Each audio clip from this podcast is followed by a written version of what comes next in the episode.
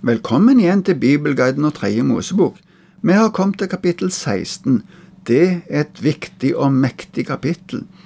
Dette kapittelet handler om den store forsoningsdagen. Ingen av ofringene som vi har sett på tidligere, var tilstrekkelige. Selv om det ble overholdt samvittighetsfullt og nøyaktig, så krevde synda en mer fullkommen forlikelse. Offerblodet ifra de ofre som til nå hadde blitt nevnt, kom ikke inn på soningsstedet, eller nådestolen som det kalles i noen oversettelser. Inne i det aller helligste, for Guds ansikt, måtte soningen skje. Blod skulle smøres over den kista som inneholdt lovens krav, som et symbol på at blodet dekker over synda. Her skulle det gjøres soning for presteskapets og for menighetens synder. Det aller helligste var et sted som prestene ikke skulle gå inn i når de ville. Derfor ble det bestemt en konkret dag for dette, én dag i året som skulle være en spesiell festdag. Det var den store forsoningsdagen. Kapittel 16 begynner med en advarsel til Aron om at de ikke må gå inn i det aller helligste hva tid som helst. De to eldste sønnene til Aron hadde gjort noe etter slik som de tenkte sjøl, og døde på grunn av det. Vi skal først lese den advarselen som står her, og det er de to første versene i kapittel 16. Herren talte til Moses etter at de to sønnene til Aron var døde, de som døde da de trådte fram for Herrens ansikt. Herren sa til Moses, Si til din bror Aron at han ikke til hvilken som helst tid skal gå innenfor forhenget i helligdommen fram til soningsstedet som er lokket på paktkisten, for da må han dø. For jeg viser meg i skyen over soningsstedet. Aron skulle først ofre for å sone sine egne synder.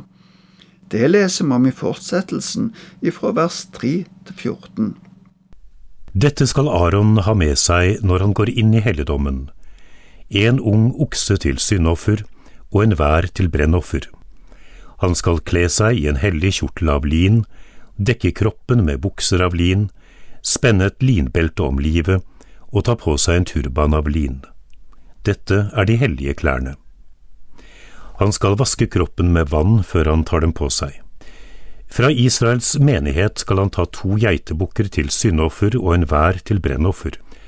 Aron skal føre fram den oksen som er syndoffer for ham selv, og gjøre soning for seg og sitt hus. Så skal han ta de to bukkene og stille dem fram for Herrens ansikt i inngangen til telthelligdommen.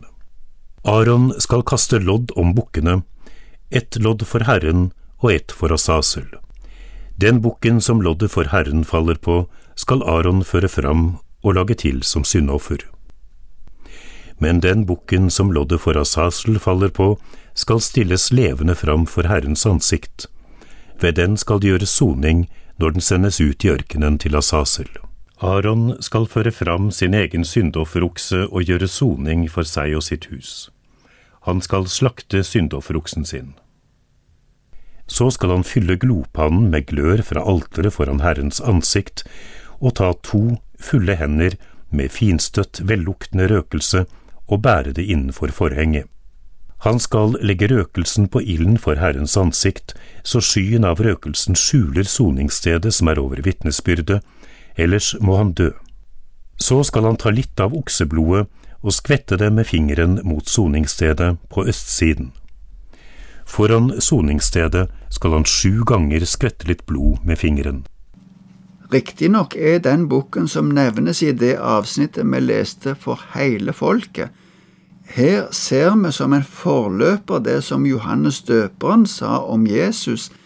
Se Guds lam som bærer bort verdens synd.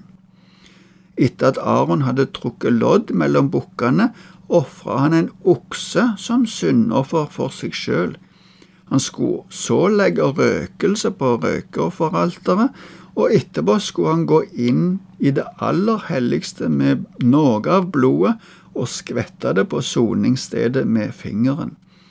Etterpå skulle han komme ut og slakte den ene av de to bukkene, den som ikke skulle bli sendt ut i ørkenen. Det leser vi om nå i fortsettelsen fra vers 15 til 17.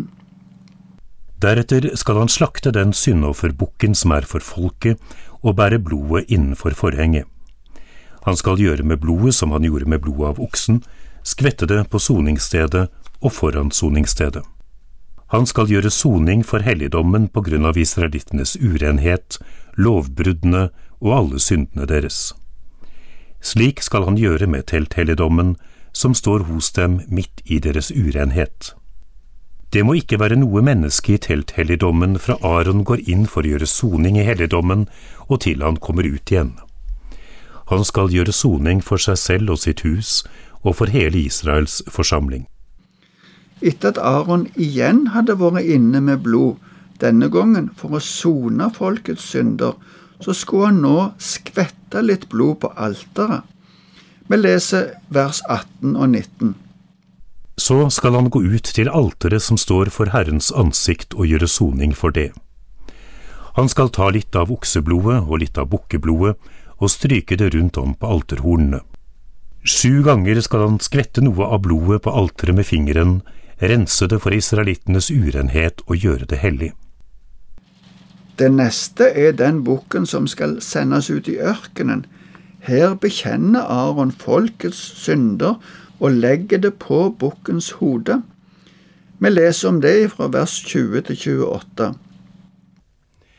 Når Aron har fullført soningen for det hellige stedet, telthelligdommen og alteret, skal han føre fram den levende bukken, legge begge hendene på hodet til bukken og bekjenne over den hele israelittenes skyld alle lovbruddene og syndene deres.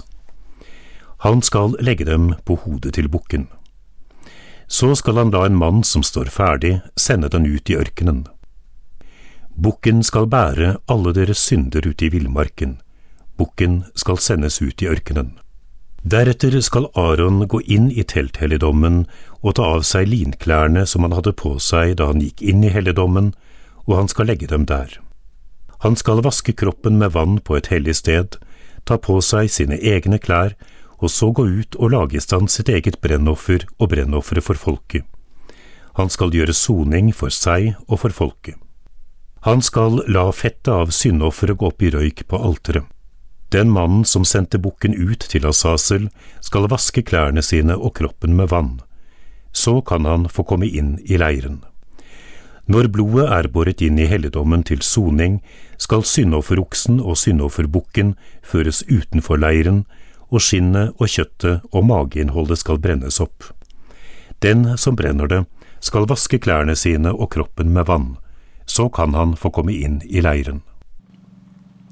Vi ser at både Aron og han som førte bukken ut i ørkenen, må rense seg etterpå.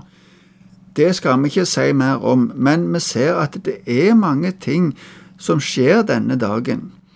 Vi nevnte tidligere at bukken som gikk ut i ørkenen, minner oss om Jesus som bar bort verdens synd. Hele folkets synd hadde blitt lagt på denne bukken. Slik bar òg Jesus hele verdens synd. Når det gjelder den andre bukken, så ble blodet båret inn til Gud, slik at Gud ser blodet, og på det grunnlaget tilgir han folkets synder. Etterpå skal bukken brennes opp utenfor leiren. Hebreerbrevet tar opp den tanken og sier at derfor måtte Jesus dø utenfor leiren. Nå leser vi resten av kapittelet fra vers 29 til 34. Dette skal være en evig forskrift for dere. I den sjuende måneden, på den tiende dagen, skal dere ydmyke dere. Dere skal ikke gjøre noe slags arbeid, verken den som er født i landet, eller innflytteren som bor hos dere. For den dagen skal det gjøres soning for dere, så dere blir rene. Dere skal renses fra alle syndene deres for Herrens ansikt. En sabbat, en hviledag skal den være for dere, og dere skal ydmyke dere. Det er en evig forskrift. Den presten som blir salvet og innsatt til å gjøre prestetjeneste etter sin far, skal utføre soningen. Han skal ta på seg linklærne, de hellige klærne, og gjøre soning for det aller helligste. Han skal gjøre soning for telthelligdommen og alteret, for prestene og for hele folket som er samlet. Dette skal være en evig forskrift for dere. En gang om året skal de gjøre soning for israelittenes synder. Det som Herren hadde befalt Moses, ble utført. Den store forsoningsdagen skulle være en fast dag hvert år. På denne dagen skulle folket ydmyke seg.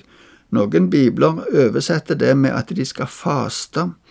De skal ikke gjøre noe arbeid, men med et oppriktig hjerte overgi alle sine synder til det offeret, slik at syndene ble sona.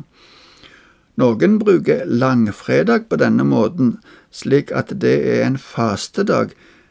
Det er en dag da en ser på Jesus som det lammet eller den bukken som bærer våre synder, og som blir slakta for å skaffe oss soning og tilgivelse. Enten en faste eller ikke, så er det fint å tenke på Jesu offer i denne sammenhengen. Det var den virkelig store forsoningsdagen.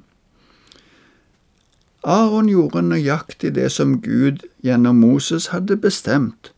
Jesus, som er den nye pakts ypperste prest, gjorde òg nøyaktig etter Guds vilje, og derfor så vant han oss en evig forløsning.